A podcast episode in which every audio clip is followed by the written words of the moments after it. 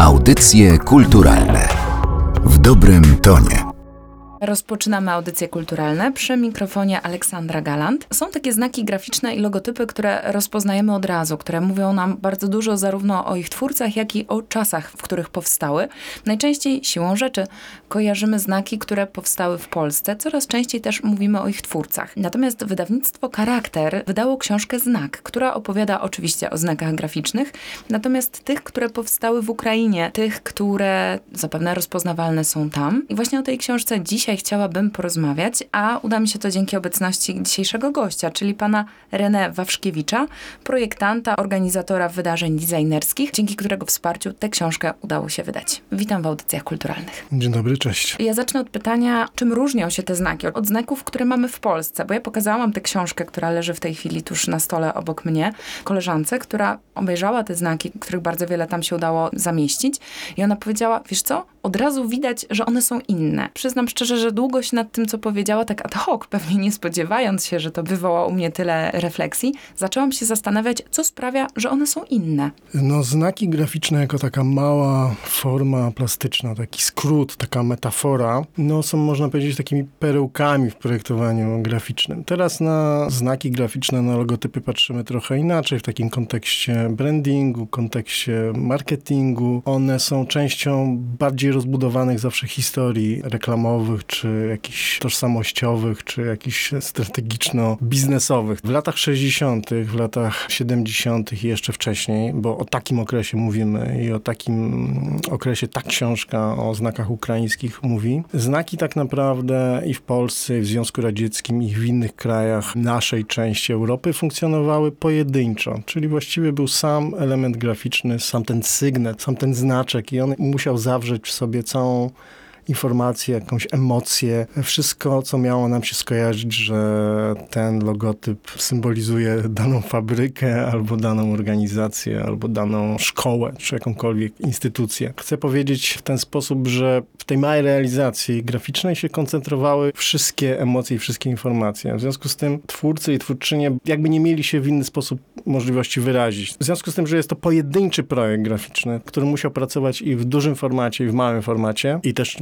musimy pamiętać, że w tamtych czasach poligrafia i to, jak te wszystkie rzeczy były reprodukowane później, to były dosyć prymitywne z naszego punktu widzenia technologie. Te znaki musiały się bronić, te małe realizacje graficzne musiały się bronić. W związku z tym, że tak powiem, koncentrował się bardzo mocno styl, jakieś tendencje i jakieś klimaty, czy jakieś charakterystyczne cechy w tych pojedynczych znakach. No bo to była rzecz, na którą ktoś pracował tydzień, dwa tygodnie, czasem dłużej. Obecnie pracuje się w zespołach. Wtedy się pracowało jednak pojedynczo. To były takie trochę dzieła sztuki użytkowej. W związku z tym, to tak jak ręczne pisanie, jest jakiś ślad, jakiś wpływ z danej kultury lokalnej. Oczywiście te wszystkie znaki, o których mówimy, pochodzą z lat 60. i to jest bardzo fajny miks właśnie takiego modernizmu, tendencji modernistycznych, znaków bardzo dobrze skonstruowanych, bardzo uproszczonych, ale jednocześnie wpływa na to jakaś lokalność, jakieś regionalizmy, jakiś folk, jakaś wpływy narodowe. W przypadku przypadku tej książki, która się koncentruje przede wszystkim na scenie charkowskiej, no jakby możemy zobaczyć troszeczkę inny styl. Ja tak powiem ogólnie, bo oczywiście ciężko jest generalizować. Upraszczając, mówiąc w dwóch słowach, wydaje się, że te po prostu znaki są trochę bardziej zaokrąglone, są bardziej kaligraficzne, mają większą jakąś taką dynamikę. Jeśli dla ludzi, którzy się interesują w ogóle modernizmem, czy takim rodzajem kultury, designu,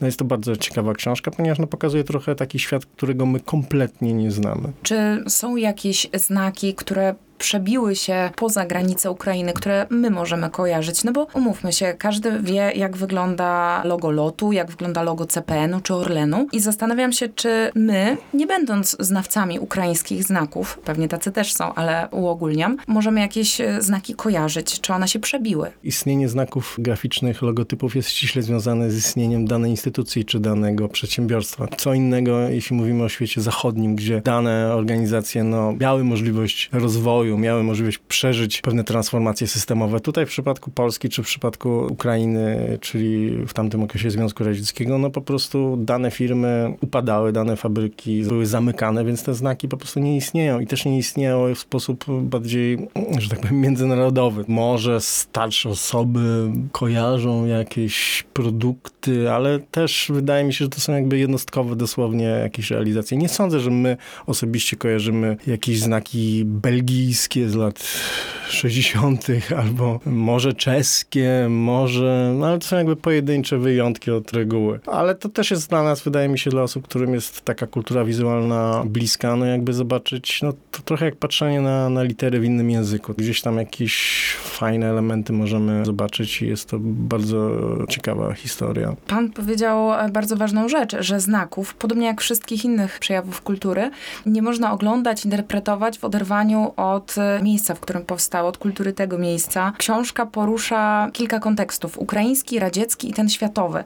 Bo wydaje mi się, że w oderwaniu od tych trzech kierunków i kontekstów te znaki trudno się interpretuje i analizuje. Tak, zgadza się. Żeby zrozumieć cokolwiek głębiej, mocniej i mieć z tego jakąś zwrotną informację, no musimy też poznać kontekst danej sytuacji. W tym przypadku ta historia jest bardzo zawikłana ponieważ z jednej strony mamy silne wpływy ukraińskie, z drugiej strony to jest okres Związku Radzieckiego, kiedy tak naprawdę możemy wprost powiedzieć, ten kraj ta kultura była kolonizowana przez Rosjan za pośrednictwem tego systemu reżimowo-komunistycznego. Ten wpływ kultury rosyjskiej i tak naprawdę odbierania tej ukraińskości wszystkiemu, co było możliwe, było robione, więc wszyscy twórcy, wszystkie twórczynie, wszystkie realizacje tak naprawdę są nazywane rosyjskimi, a nie ukraińskimi i właśnie ta ukraińska ukraińskość jest odzyskiwana. Ale ta historia jest bardzo skomplikowana, bo jeśli mówimy o Charkowie i tym regionie, no to jest oczywiście region bardzo, bardzo istotny dla kultury ukraińskiej. No, Charków dwukrotnie był stolicą Ukrainy w latach dwudziestych i później w trzydziestych. Jednocześnie jest to stolica konstruktywizmu ukraińskiego, miejsce, które od zawsze jest bardzo kulturotwórcze, jest ośrodkiem akademickim, było przed wojną w każdym razie. Tam bardzo w ciekawy sposób się miksowały te wszystkie jakby kultury i wpływy i konstruktywizm konserwatywizm i wpływy rosyjskiej awangardy i nacjonalizmy ukraińskie, walka o swoją tożsamość, jednocześnie jakieś takie wpływy bardziej globalne. Więc czytając tą książkę, jakby wnikając trochę głębiej w to, skąd te znaki pochodzą i kim byli ich twórcy i twórczynie, no po prostu jesteśmy w stanie zrozumieć trochę więcej, skąd to się wzięło. To jest o wiele, o wiele bardziej ciekawsze niż proste, geometryczne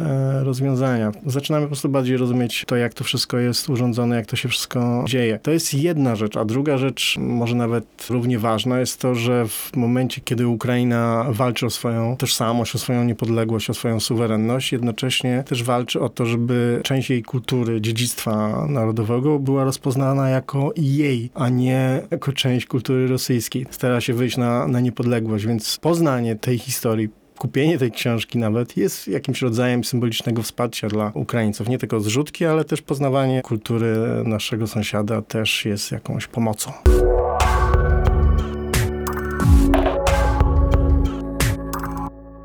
Środku pojawia się bardzo wiele zdjęć, też zdjęć archiwalnych. To są też rysunki tych znaków, nie sam efekt końcowy, ale też świadectwo tego, jak one powstawały. Autorki też sporą część tej książki poświęcają na to, żeby mówić, że w Ukrainie jeszcze zanim zaczęła się wojna, nie było takiego systemu archiwizowania, przechowywania tych znaków. Nie było ani archiwów, ani muzeów i chyba nie było też takiej świadomości, jak wielkie to jest dziedzictwo. No zgadza się, ale też muszę tutaj zaznaczyć, że nasza sytuacja gdzieś tam w Polsce jest podobna zawsze bardzo dużą pieczę przykładano do, do naszego dziedzictwa związanego ze sztukami wizualnymi, nawet z architekturą, ale gdzieś tam takie projektowanie graficzne, oczywiście polski plakat był postawiony na piedestale, ale jeśli chodzi o całą resztę dziedzin designu, no to nie było aż tak bardzo to śledzone albo archiwizowane. No było, więc bardzo dużo też w Polsce jakby archiwów czy jakichś zbiorów jest pogubionych czy przepadło. I tak samo się działo na Ukrainie, chyba nawet jeszcze gorzej. Ale też ta książka też pokazuje, że my musimy jakby sami trochę zadbać o nasze dziedzictwo, naszą historię, bo wbrew pozorom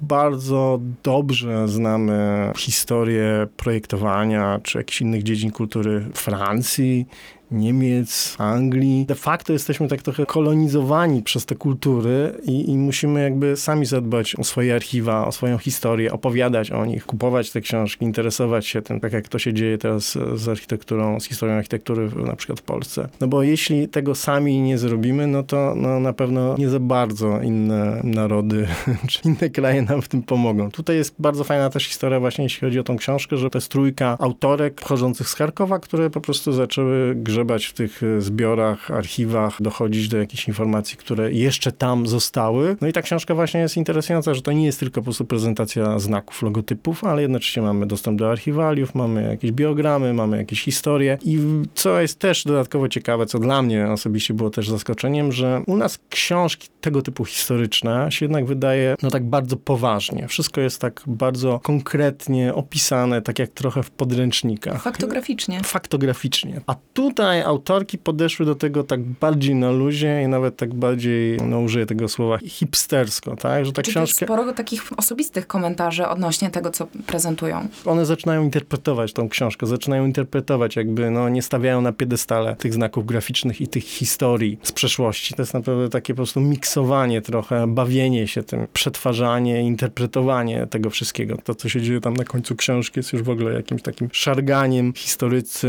w Polsce sztuki by po prostu spadli z krzeseł prawdopodobnie, więc w tym sensie jest to ciekawe podejście, że można tak bardziej trendy, bardziej cool podejść do takiego dziedzictwa. To, o czym ja mówiłam, czyli taki dosyć krytyczny głos w sprawie tego, jak się te materiały przechowuje, jest chyba elementem tego, o czym pan mówi. Tutaj nie ma tego właśnie piedestału. Jedna rzecz to jest jakby opublikowanie książki, a jedna rzecz to jest jakby archiwizowanie i archiwa są super istotne dla, dla historii każdej społeczności, niezależnie czy to dotyczy muzyki, architektury czy designu. No po prostu bez archiwów nie wiemy nic o swojej przeszłości. I tym bardziej warto interesować się swoją jakby historią takich dziedzin jak design, który nas otacza w sposób po prostu totalny. Wszystko, w czym funkcjonujemy jest zaprojektowane albo nie zaprojektowane. Właściwie jest bardziej, powiem, zaprojektowane lub źle zaprojektowane. Więc to się skądś wszystko bierze i z tego też względu fajna jest ta książka, no bo daje nam możliwość wejrzenia w taki świat, który nie jest nam znany, no bo tak kultury Europy Środkowej i Wschodniej tak naprawdę nie są opisane, nie są nazywane, nie są publikowane na świecie, więc my musimy sami zawalczyć, a na razie możemy zawalczyć interesując się na przykład tego typu publikacją. Myślę też, że bardzo dużą wartością tej książki, jeżeli już rozmawiamy o tym, jak została stworzona, jest to, że ona jest opublikowana i wydana w dwóch językach. Wydaje się to teoretycznie naturalne. Z drugiej strony, myślę, że to jest bardzo duża siła tej książki, że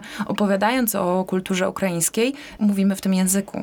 Po lewej stronie poznajemy historię po ukraińsku, a po prawej jest polskie tłumaczenie. To jest ciekawe, bo przeważnie spotykamy się z książkami, które są po polsku i po angielsku, a tutaj mamy, no być może jest to jedna z niewielu książek, albo dosłownie kilku, które są polsko-ukraińska publikacja, których być może będzie więcej w przyszłości, ale jest to na pewno gratka i fajna rzecz do posiadania. No na pewno nie jest to książka historyczna, podręcznik do historii designu. To jest po prostu bardzo, bardzo interesująca publikacja. No, ja myślę, że można powiedzieć, że przeczytanie tej książki to jest sposób, żeby po prostu lepiej poznać ten świat projektowania, designu y, w Ukrainie. Poznać na ile losy tego kraju i tego regionu są po prostu skomplikowane, jednocześnie super interesujące i gdzieś tam rezonują do naszych doświadczeń, no bo książka też opowiada o takim okresie lat 60., kiedy w ogóle w Związku Radzieckim zostało uchwalone prawo, które mówiło o tym mm, na fali takiej odwilży chruszczowowskiej, że wszystkie instytucje, wszystkie fabryki powinny mieć znaki graficzne,